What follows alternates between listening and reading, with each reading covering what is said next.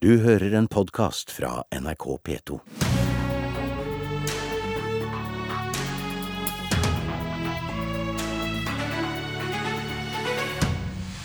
Frister det å ha ettåringen tre dager i barnehage og to dager hjemme? KrF vil gjøre det lettere å flekse med kontantstøtta. Men trenger norsk arbeidsliv flere kvinner som jobber deltid?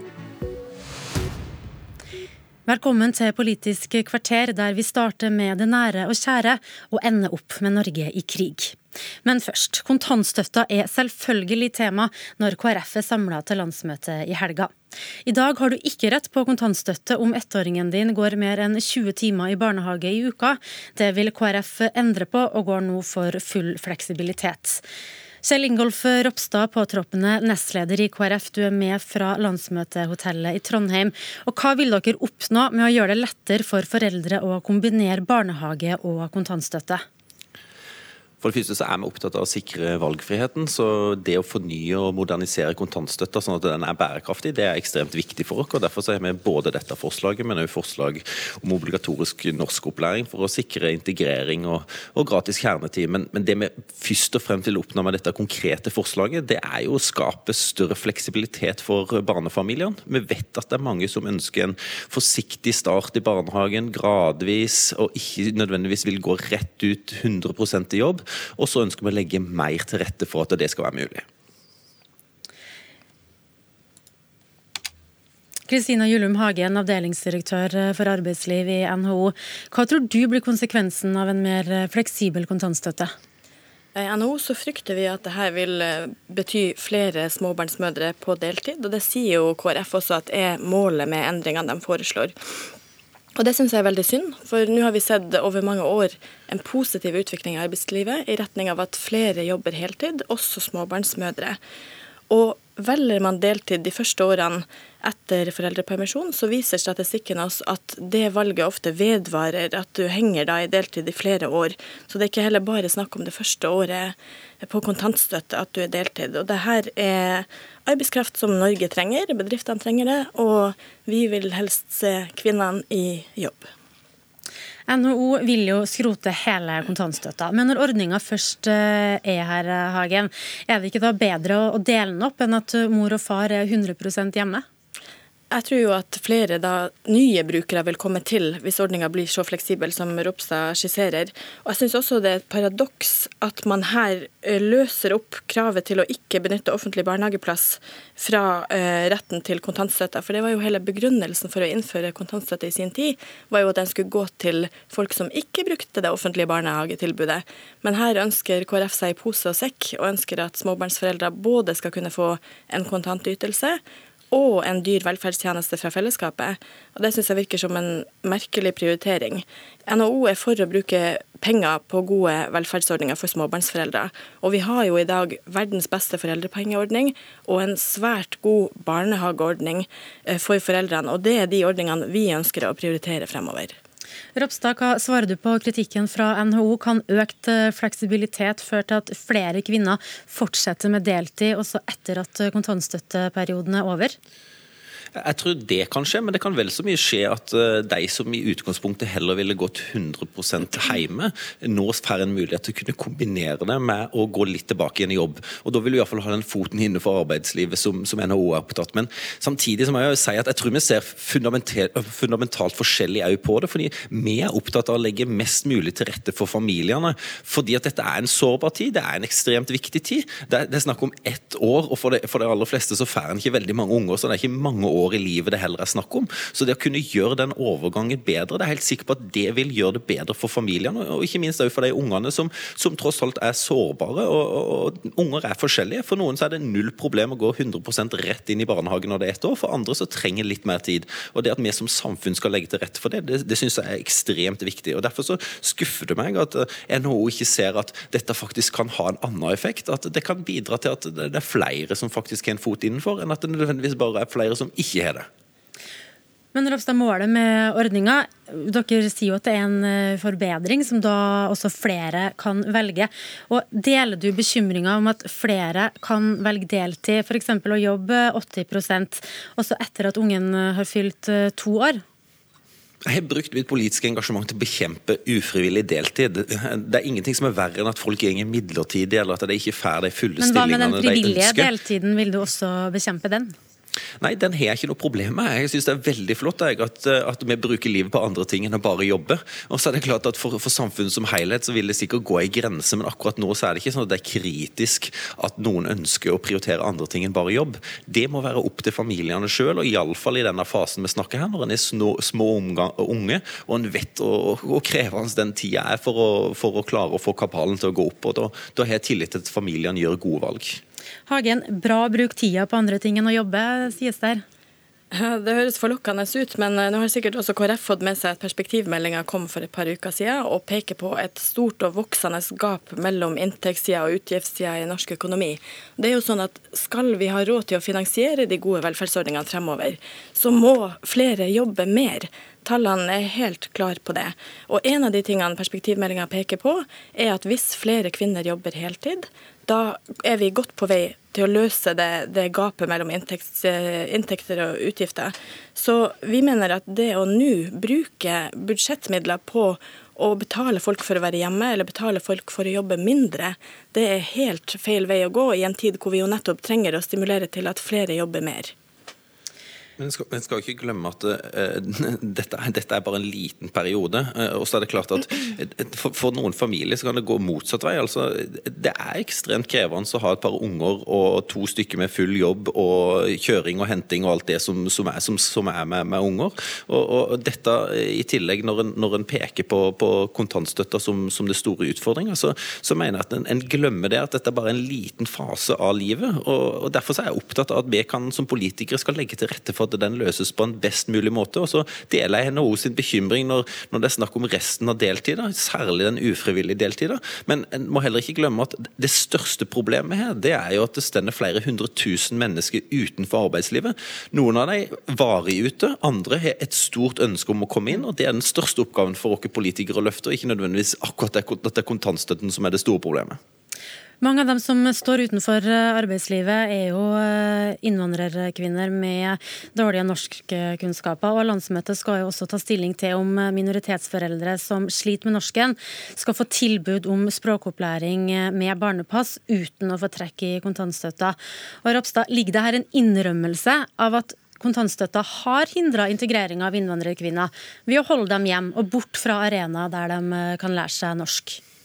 Det ligger en innrømmelse i at eh, det er en utfordring, eh, og at kontantstøtta eh, iallfall ikke er et insentiv til å gå ut i arbeid. Men samtidig så mener jeg det er ekstremt naivt å tro at bare du fjerner kontantstøtta, så er alle innvandrere ute i arbeid. For det, det handler om kultur, det handler om språk, og så handler det om utdannelse. For veldig mange av det her så er det en blank CV som gjør at du ikke vil kunne få jobben. Og Derfor så ønsker vi å både ta tak i den utfordringa som ligger med kontantstøtta, peker på at det er viktig at du får språkopplæring og sikrer at, at eh, en, en, kan norsk. Men så må en fortsette alle de andre tiltakene som jeg var inne på i starten, med gratis kjernetid. At en syns det er trygt og godt å komme til, til en barnehage, kan, kan, komme innom der og, og, skape de sosiale nettverkene.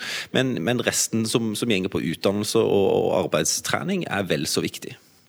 KrF skal jo også ta stilling til et forslag om en såkalt intensiv kontantstøtte, der man eh, i inntil seks måneder kan ha dobbel kontantstøtteutbetaling per måned. Eh, er det noe du støtter, Ropstad? Eh, nei, det er det ikke. Og det er jo et forslag som, som veldig mange fylkeslag har en tommel ned for. Så, så, sånn det ser ut nå, så tror jeg det ikke kommer til å bli vedtatt uh, i dag. Og det er du glad for, Hagen, for du har sett litt nærmere på det, hva det kan koste? Ja, det er jeg veldig glad for å høre. fordi det er sånn at eh, med det forslaget så vil hver fjerde småbarnsmor få mer igjen for å være hjemme enn for å jobbe. Og sånne velferdsordninger syns jeg ikke vi skal ha i Norge. Så stemmer KrF ned det forslaget, så er vi fornøyd med det. Da er dere i hvert fall enige om det. Eh, det var det vi rakk i denne debatten. Takk for at du var med fra Trondheim, Kjell Ingolf Ropstad i KrF. Og takk for at du kom til studio, Kristina Gyllum Hagen fra NHO.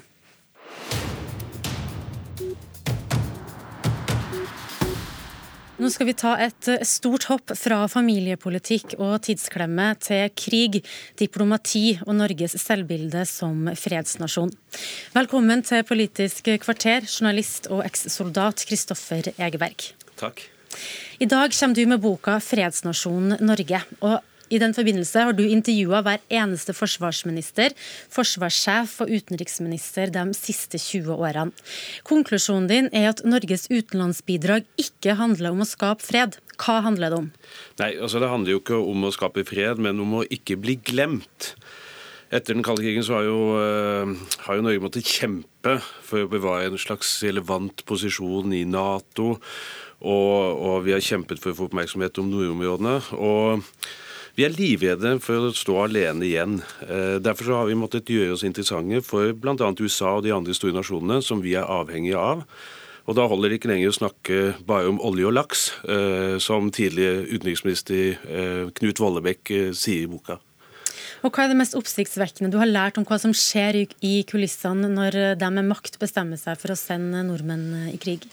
Nei, ehm, det er ganske interessant. Altså, det jeg har opplevd, er jo et slags altså, veldig stor grad av naivitet. Ehm, jeg sier ikke at det er bevisste valg, men eh, ehm, det handler veldig eh, ofte om personkjemi, eh, om personlige relasjoner. Og eh, et fravær av politisk ansvar og ærlighet om hva vi gjør og hvorfor vi gjør det.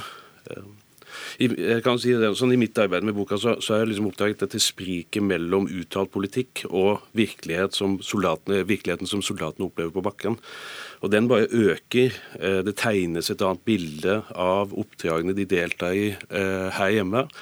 Eh, og de opplever eh, noe helt annet der ute. Og det skaper jo en usikkerhet og frustrasjon som i verste fall kan sette liv og helse i, fare. Ja, Du mener at norske myndigheter har eh, svikta norske soldater som sendes til utlandet? Ja, i flere tilfeller så har de det. Hva er det verste tilfellet som du beskriver i boka? Nei, altså Det er flere tilfeller. Det er vanskelig å måle i opp hverandre. Du har jo eh, så langt tilbake til Somalia, hvor man sendte eh, soldater i krig med 20 kg eh, skismørning, men ikke en eneste skuddsikker vest. Men eh, så sent som i Afghanistan, dette store oppdraget vi hadde i Meimane, der opprettet vi en stabiliseringsstyrke eh, uten eh, medisinsk kapasitet til å redde soldatenes liv, uten noen mulighet til å evakuere dem. Og dette var forhold som denne styrken i, i flere år faktisk eh, advarte om, eh, men de ble ikke hørt av politikere som ikke var villige til å betale den regningen det koster å drive denne type oppdrag. Og du skriver at Det viktigste for norske myndigheter har ikke vært hva vi gjør når vi først er i Afghanistan, men at vi er med. Og hvilke, du er jo litt inne på det her, hvilke konsekvenser det har fått eh, for eh, soldater på bakken. Mm. Det kunne ha kosta liv her? Ja, det, det, det, kunne ha kostet liv. Det, det er helt klart. Og, og, og, Man kan ikke spekulere om det har kostet liv heller, men, øh, men det er klart at, øh, at, tradisjonelt sett så har vi vært lite villige til å, å betale prisen. Uh, vi sender kanskje ikke nok soldater fordi det, det, koster. Det er vanskelig å rekruttere. Et, det har vært et problem i, i flere tiår å rekruttere tilstrekkelig tilstrekkelige eh, soldater til å fylle de oppgavene de skal fylle. Eh, det koster utrolig mye å utruste de eh, med både den personlige utrustningen og det apparatet som er rundt. og Det er jo noe som forsvarssjef Håkon Duun Hansen, nåværende forsvarssjef, sier i, i boka også. At, at, han tror kanskje så Jeg får inntrykk av at politikerne ikke er klar over hvor mye som skal til for å kunne delta som, eh, i de oppdragene som vi sender eh, norske menn og kvinner til. Hva mener du bør eh, endres på når det gjelder måten norske politikere går frem for å avgjøre om vi skal sende styrker til utenlandsoperasjoner eller ikke? Først og fremst så må vi være ærlige, og det syns jeg er interessant. i, i i boken min så, så tar bl.a. Jonas Gahr Støre et oppgjør med dette begrepet fredsnasjonen, som, som, jeg opplever at han har vært en av, av budbringerne på.